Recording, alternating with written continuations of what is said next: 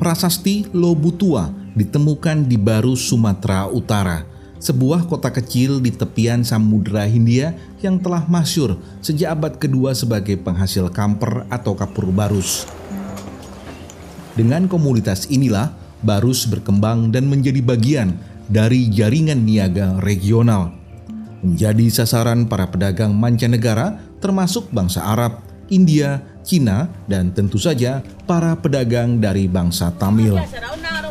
Persekutuan dagang bangsa Tamil inilah membangun permukiman di Barus dan akhirnya mengeluarkan prasasti Lobu Tua, kira-kira pada abad ke-11 Masehi.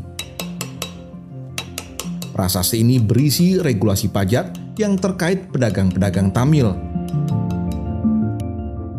Tidak seperti kebanyakan prasasti di Indonesia, prasasti Lobutua adalah satu dari sedikit prasasti yang menggunakan aksara dan bahasa Tamil. Tiang segi enam tak beraturan ini sudah pecah dan rusak. Konon prasasti ini hancur berkeping-keping oleh penguasa baru setelahnya.